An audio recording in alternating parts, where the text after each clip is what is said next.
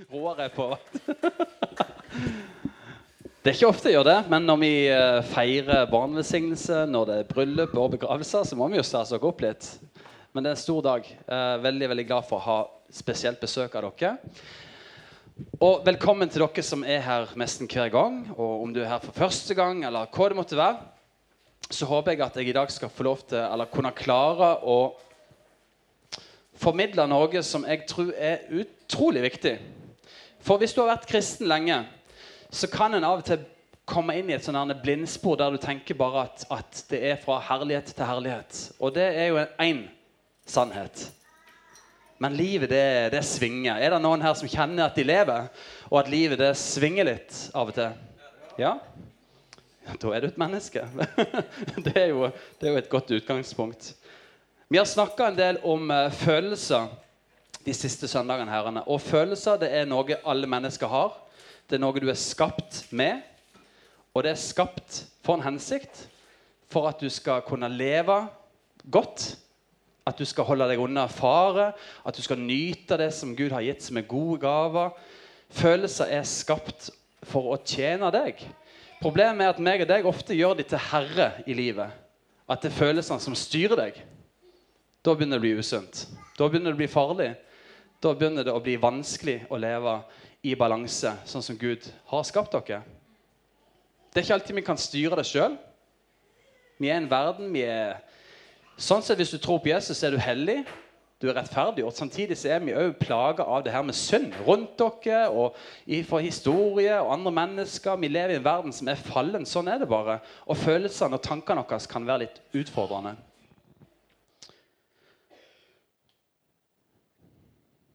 Jeg skal snakke om livets sesonger.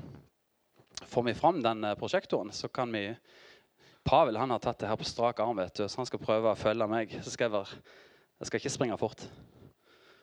Jeg har lyst til å lese ifra, fra ei bok i Gamle Testamentet som heter 'Forkynnerne'. Og Det er ei litt interessant bok. Hvis du leser den, så er det ikke mye håp.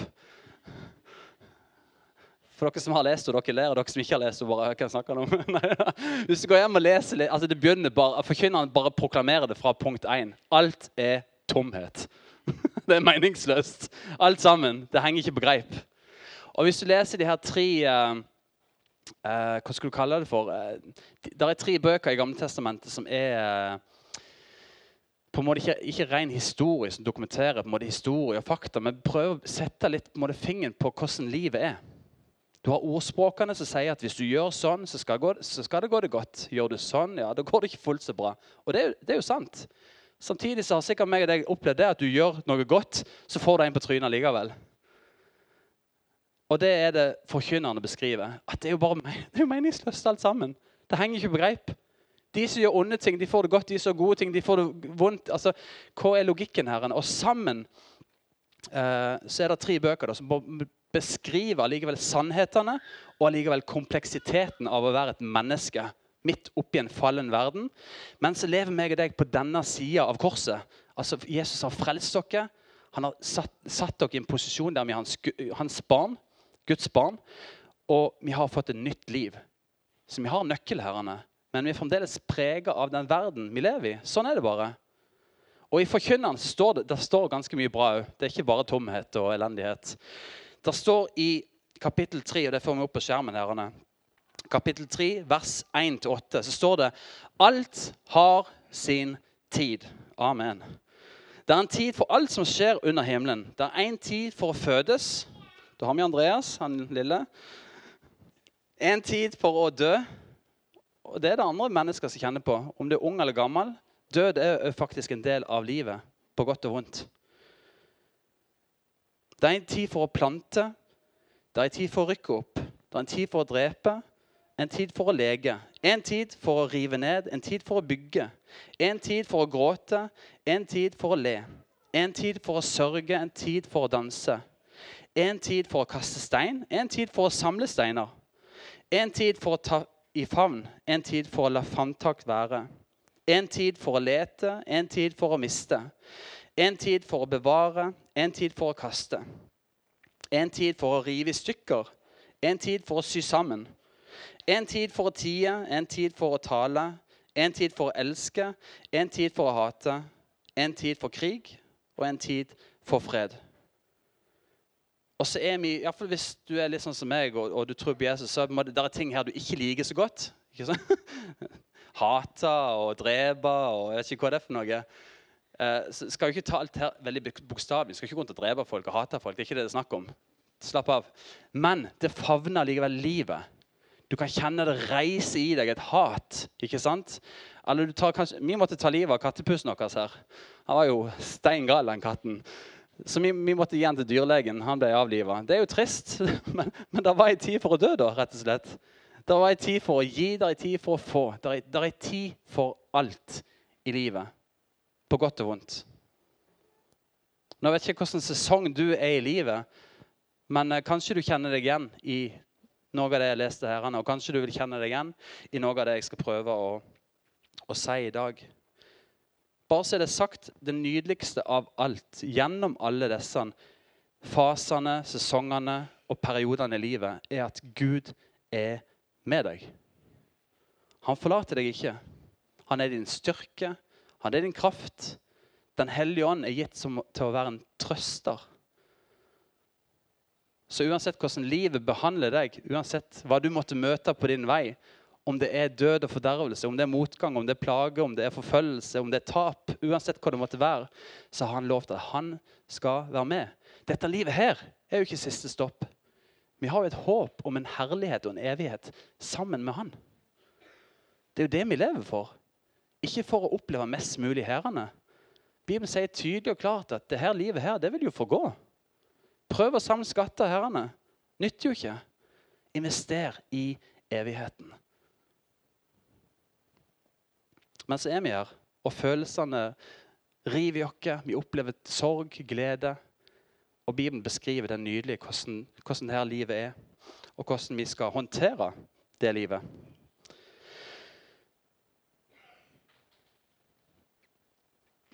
Og alle mennesker opplever jo det å gå gjennom ulike faser. Enten som enkeltindivid, at du personlig opplever en tøff periode. Det kan være på jobben din, i miljøet der, en arbeidsmiljø, at det er en sesong der det er kjipt. Det kan være i ekteskapet ditt at ting er kanskje bare fantastisk. Eller ikke. Det kan òg være i storfellesskapet, blant venner, i relasjoner. Det kan være i menigheten. Menigheten òg. Fellesskap, storfellesskap i menigheten kan òg oppleve å gå gjennom tøffe sesonger. Så noen sesonger der har vi det bare helt fantastisk. Ingenting er et problem. Alt går bare på skinner. Det er bare framgang. Det er fra herlighet til herlighet. Og, ting, og eh, Hvis skulle det komme utfordringer, ja, så tar du på strak arm. Du har energi, og du, det er bare fantastisk. Livet smiler rundt hvert hjørne. Og så har du andre sesonger i livet der det bare er tom for energi. Det er tungt, det er vanskelig, Uansett hva du prøver, så ender det bare med et skritt tilbake. Det er motgang, det er sykdom, det er tap. Forskjellige ting. Og livet har forskjellige sesonger. Et nydelig vers fra Galaterbrevet, kapittel 6, eh, vers 9. Der står det La oss ikke bli trette mens vi gjør det gode. Når tiden er inne På engelsk står det 'når sesongen er klar'. Det finnes forskjellige beskrivelser. Men når tida er inne, alt har sin tid, så skal vi høste. Bare ikke gi opp. Og Det er det jeg ønsker å formidle, at denne sesongen vil òg gå forbi. Går, nå er vi mot slutten av høsten her i Norge og denne delen av verden. Denne sesongen vil òg gå forbi. Snart kommer vinteren. Det blir enda kaldere. Enda mer død i naturen. Enda mer um, ting bare står stille og ligger i dvale før våren kommer. Ja, det kommer en vår òg. Og så kommer sommeren, som bare er fantastisk. Jeg, hadde, jeg husker ikke hvor tid det var, men jeg hadde en sånn håndsopprekning om, uh, om uh, hva slags sesongmenneske du er. Hvilken sesong du liker best. Og det var definitivt flest som li likte uh, sommeren. Det er flest sommermennesker. Så er det noen som setter pris på høsten. Jeg er nok en av de. Jeg syns høsten er fin. Men det skjer jo et eller annet om våren og sommeren når bare livet begynner å pulsere. Det, det er deilig. Men det er jo nydelig allikevel å ha de forskjellige sesongene. Det får ting i perspektiv, og du blir takknemlig for det som er godt. Og Så kan det være ulike årsaker til at du opplever å gå gjennom sesonger. Det kan jo være bare du har tatt et totalt feil valg i livet ditt. At det er selvforskyldt. At du er grunnen til at nå, nå blir det en tøff sesong. Vi hørte Gosha hun nevnte det at, at, det var en tøff økonomisk sesong de har hatt i mange år, som de nå opplever gjennombrudd i. Det kom en ny sesong, ikke sant? Men klart, det var valg, tilfeldigheter, hva som helst, som gjorde at de gikk inn i en vinter, om du skal kalle det for det. Heldigvis så forblir det ikke vinter. Så ja, noen ganger kan det være selvforskyldt. Det er du sjøl som bare tabber. Det har jeg sjøl gjort ganske nylig. det, det, er så kjipt. Det er så kjedelig. Du har ikke noe andre enn deg sjøl å klandre. Andre ganger kan det rett og slett være et åndelig angrep. Det er djevelen sjøl som bare kommer for å sette deg ut av spill. Som bare kommer for å sabotere, for å ødelegge, stjele og myrde, som Bibelen sier. Han er ute til å bare sette deg ut, plage deg mest mulig. Du er et mål for hans plan, og det er å sette deg ut. Det kan være et åndelig problem. Og så, kanskje det mest sånn, ikke kontroversielle, men vi snakker ikke så mye om det. Det kan være Gud òg som leder deg inn i en sesong der ting ikke er glory, halleluja. Den hellige ånd leder Jesus ut i ørkenen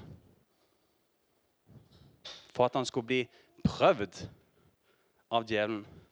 Gud leder Jesus ut i ørkenen. Og Det er masse historier der mennesker kanskje tar valg, og Gud bruker det valget for å lære dem noe. For å beskjære dem, for å hjelpe dem til å modnes og vokse. Men Gud, vi skal ikke demonisere alt som vi opplever tøft og vanskelig. Gud sjøl òg kan lede dere gjennom ting som, som, er tøffe, men der du bare kommer styrka. Der du kommer sterkere ut. Der du kommer ut med ti ganger mer. Gud så det kanskje nødvendig for å lære deg noe, for å skjære av et eller annet som ikke er bra i livet ditt. hva det måtte være. Og så er det òg, bare for å si det, så kan vi ikke bare si at bare fordi du opplever vonde ting, at det er Guds, Guds skyld. Det er viktig å ha en balanse her. Er bare, Gud er ikke ond. Gud ønsker deg ikke vondt. På samme måte som jeg setter grenser og begrensninger for mine gutter hjemme i oppdragelse. F.eks. når vi Ungene opplever det som at vi presser eller tvinger dem til å gå til skolen. Ikke sant?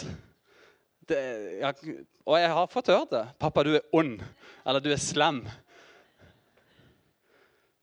Jeg vil jo ikke på altså jeg, jeg, tenk, altså, jeg, er jo ganske reflektert. Jeg kjenner meg ikke veldig ond når jeg gjør det. Jeg vet at dette er til det beste for deg, gutt. Du kommer til å bli uh, um, litt mer selvstendig, du kommer til å vokse på det. Det holder deg i form. Det, det er bra, det er godt med mosjon, bla, bla, bla. Det er godt for deg, gutten min. Ja, ok, Det er 20 minutter med gange til skolen. Det er en prøvelse. Det er en ørken. ikke sant? Så jeg vandrer gjennom ørkenen liksom, og på en måte lider. Men, men det er pappa, det er Gud, som har gjort det for meg, da.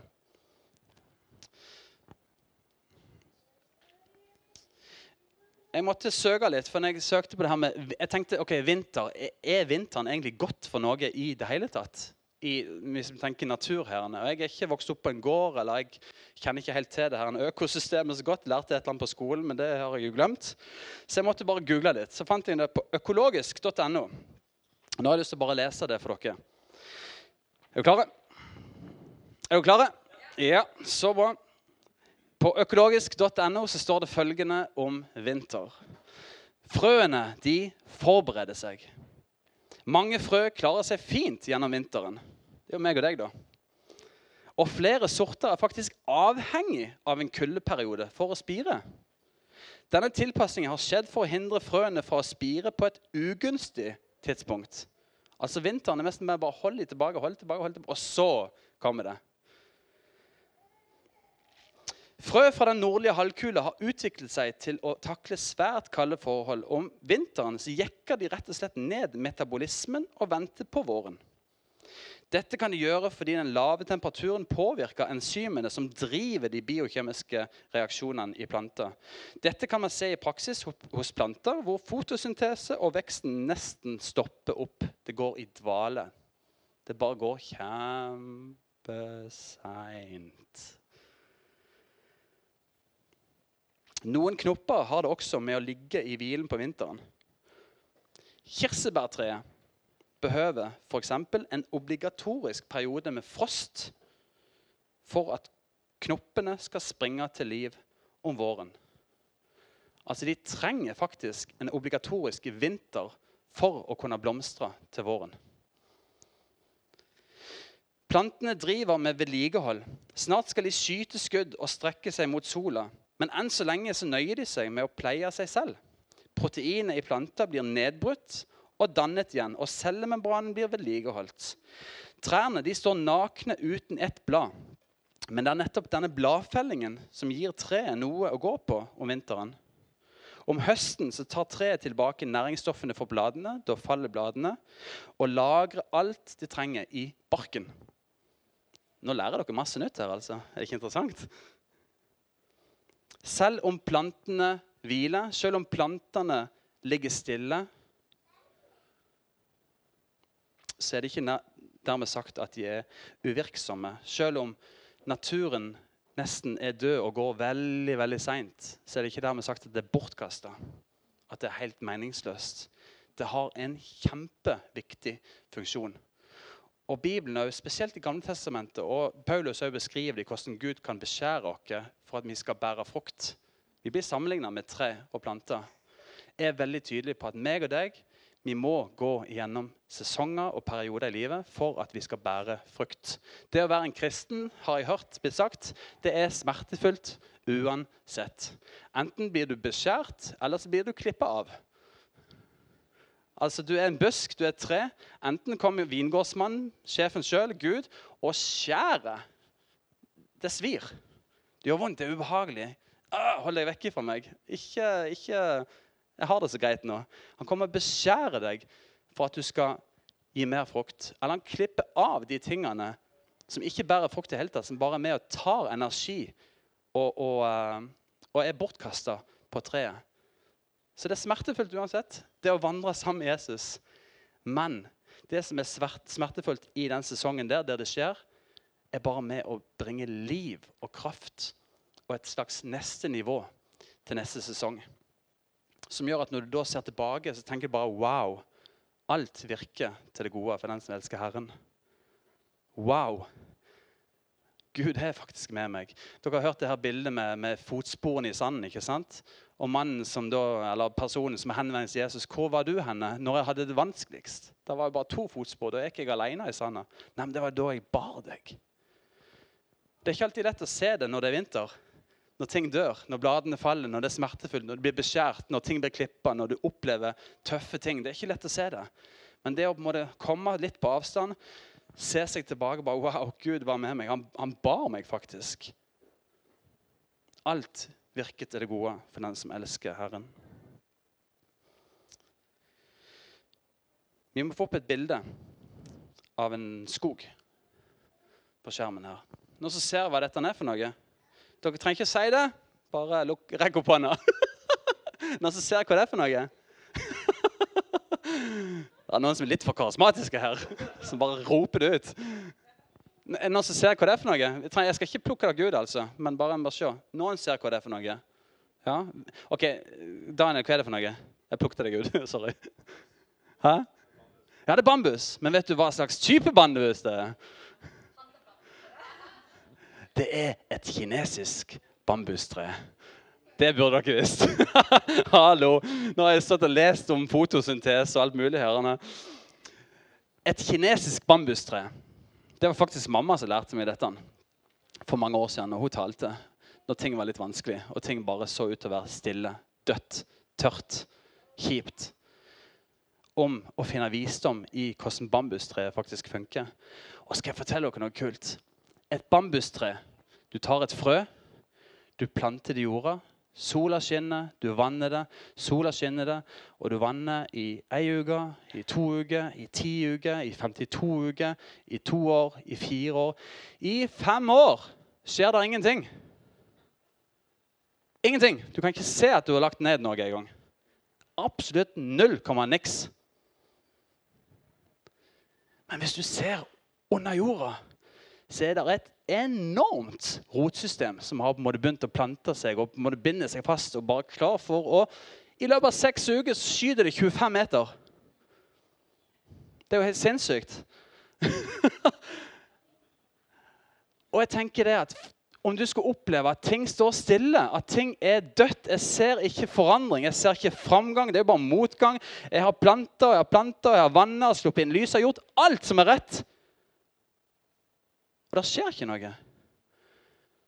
Så kan vi klamre oss til Guds ord, til hans sannheter, til hans løfter.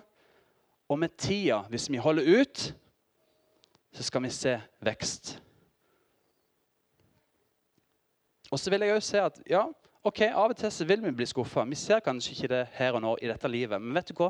Vi har et håp om et bedre liv på den andre sida sammen med Jesus. Der skal Herren trøste dere. Der skal han tørke hver ei tåre. Der skal han omfavne dere. Der skal du bli heil. Om du opplever sykdom, om du opplever urettferdighet Der oppe, der blir det rettferdig. Der blir det godt.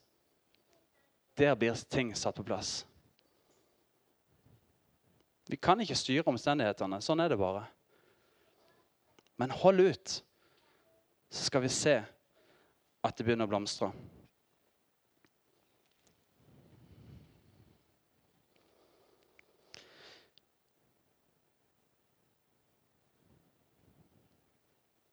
Når vi går gjennom høsten, og spesielt vinteren, er det bare meg, eller er det sånn at okay, når klokka er fem, nå, så er det jo bekmørkt ute? Natta er lang. Altfor lang. Jeg glemmer det hvert år hvor himla mørkt det blir. Og hvor lenge det er mørkt. Og hvis det er litt grått en dag òg, så er det jo mørkt sør med 24-7. altså. Det er helt drøyt. Men når vi går gjennom det som kalde, tunge, litt døde og triste sesongene i livet, så er det tre ting jeg har lyst å bare oppmuntre deg med og si at dette er viktig. For de sesongene de kommer. De kommer.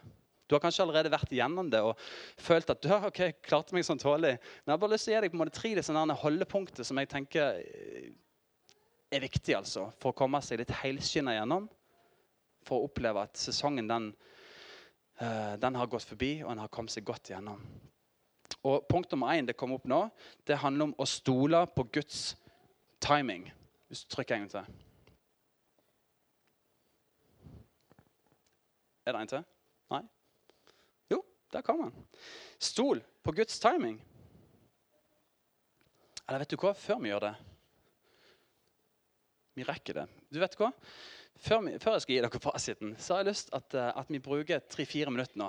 Enten om du sitter to og to, eller tre og tre, eller fire og fire, whatever. Så har jeg lyst til at du rett og slett skal ta og og det var, Beklager, Pavel, men det var sikkert forrige. det. Da vil jeg at du skal snakke om to ting. Går du gjennom en vinter nå? Eller har du kanskje vært gjennom en vinter?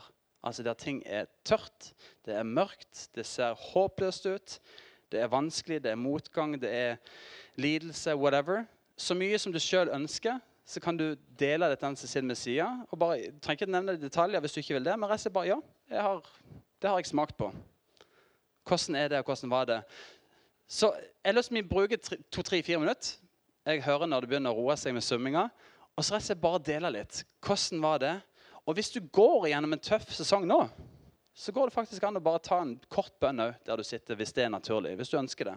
Og bare yes, ok, men jeg kan be for deg om at denne sesongen òg skal gå forbi.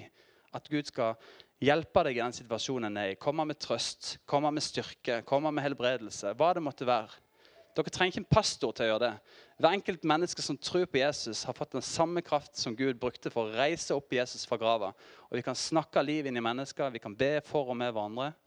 Så bruk to-tre minutter nå, og så snakker vi bare litt rundt dette. Har du gått gjennom en vinter, eller går du gjennom en vinter der ting er litt tøft? Så kan kanskje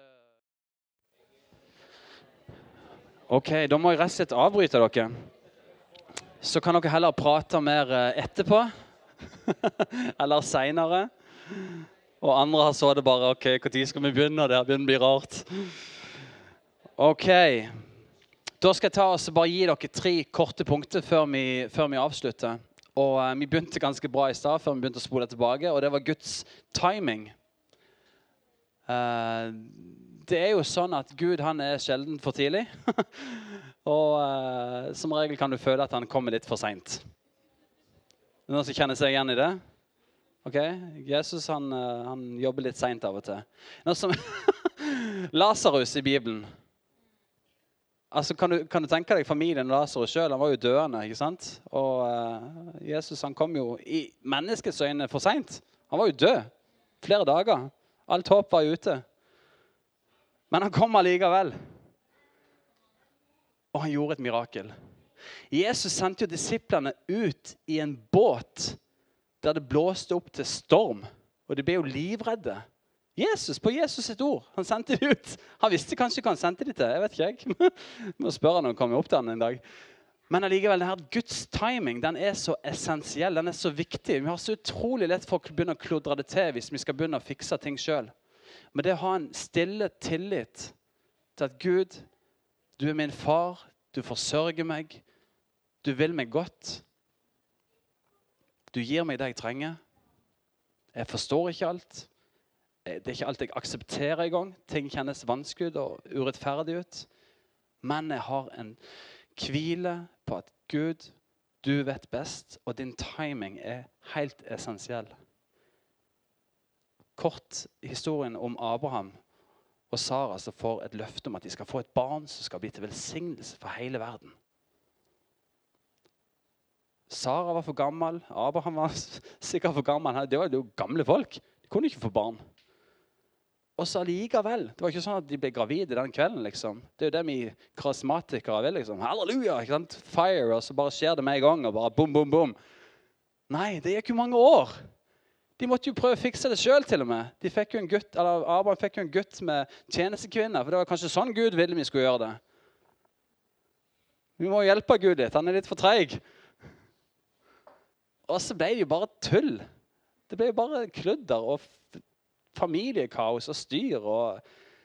Men så kom jo denne løftesønnen. Gud hadde talt, og han gjorde som han sa. Ha tillit til Guds timing. Nummer to er å være litt bestemt. Det å stå opp når du går igjennom en vinter.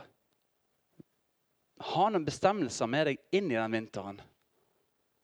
Daniel, når de ble okkupert av Babylon og tatt ut fra Israel og satt inn i et rike som bare var alt annet enn Guds rike. Og De fikk nye navn, de lærte nytt språk, de skulle spise annerledes. og hadde Babylon hadde en strategi om bare å få kludra identiteten deres for å over tid lage et folk som hadde glemt sin historie, glemt sin Gud og glemt alt. Som jeg tror mange kristne i dag kan oppleve et press på. Vi begynner å miste identiteten vår. En annen verden, en annen ondskap begynner å kludre med identiteten. Ja, Har Gud egentlig sagt ikke sant? Er, er, altså, er, stemmer det som står i bi... Altså, nei. vet du, Når du går inn i en vinter, når du går inn i dvale, når ting er vanskelig, når det ikke er liv og glory til glory, så ha noen bestemmelser. Stå på sannhet. Det sto det at når Daniel ble satt inn i Babelen, så bestemte han seg for å ikke bli lik babylonerne. Ja, han, spiste, han satt med de og spiste, men de ønsket ikke å spise den maten. Ja, De var en del av kulturen, men de ønsket ikke å tilbe den guden. De hadde bestemt seg. Og en bestemmelse kan bety mye. Det handler om disiplin. At jeg velger. Ok, Jeg ser ikke det som jeg skulle ønske jeg ser, men jeg, jeg har bestemt meg. Jeg firer ikke på standarden min. Jeg ønsker å holde standarden. Jeg ønsker å leve etter Guds vilje. Jeg ønsker å stå på Hans ord. Det er sannhet, det er kraft, er liv. Vær bestemt. Og det tredje er når det er vinter, så er det utrolig viktig å kose seg litt. Når kulda setter inn og nettene blir lange, så er det utrolig viktig å fyre i peisen. Ta på seg kosesokkene sine. Sette på noen ekstra lys. Pynte med lys rundt ute og inne. Gjør det litt koselig. Vet du, Vinteren er ikke bare død og fordervelse og kulde og mørke. alle sesonger har allikevel litt gull. Det er tida for å roe ned, det er tida for å ta et skritt til sides og komme ut av kanskje de vanlige gjøremålene. Men se det med et slags gudsperspektiv og tenn et lys i mørket. Kos deg.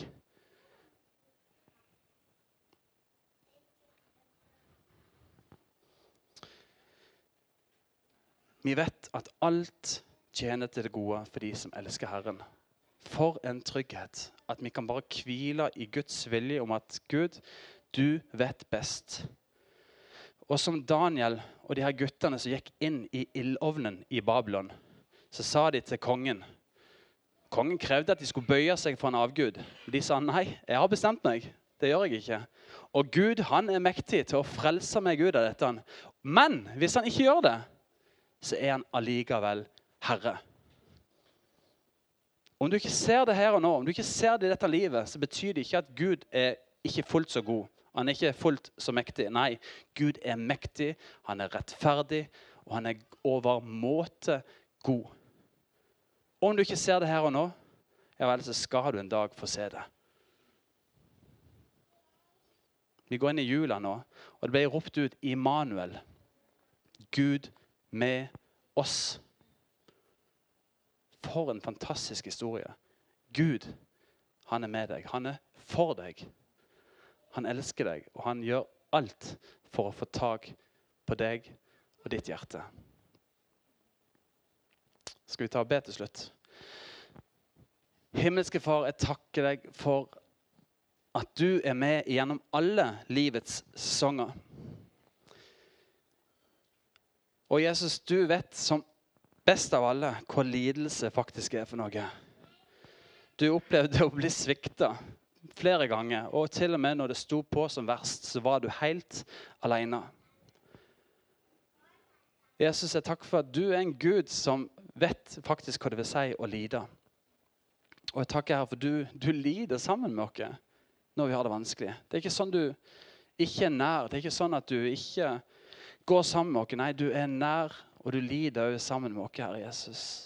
Og jeg ber deg, Herre, Du ser alle menneskene som er her inne. og Du ser de ulike periodene, sesongene, fasene som de alle opplever. Herre Jesus. Du kjenner deres hjerte, du kjenner deres fortid, nåtid, men du kjenner òg deres framtid. Herre Jesus. Jeg ber om at du skal med din ånd gi dem trøst.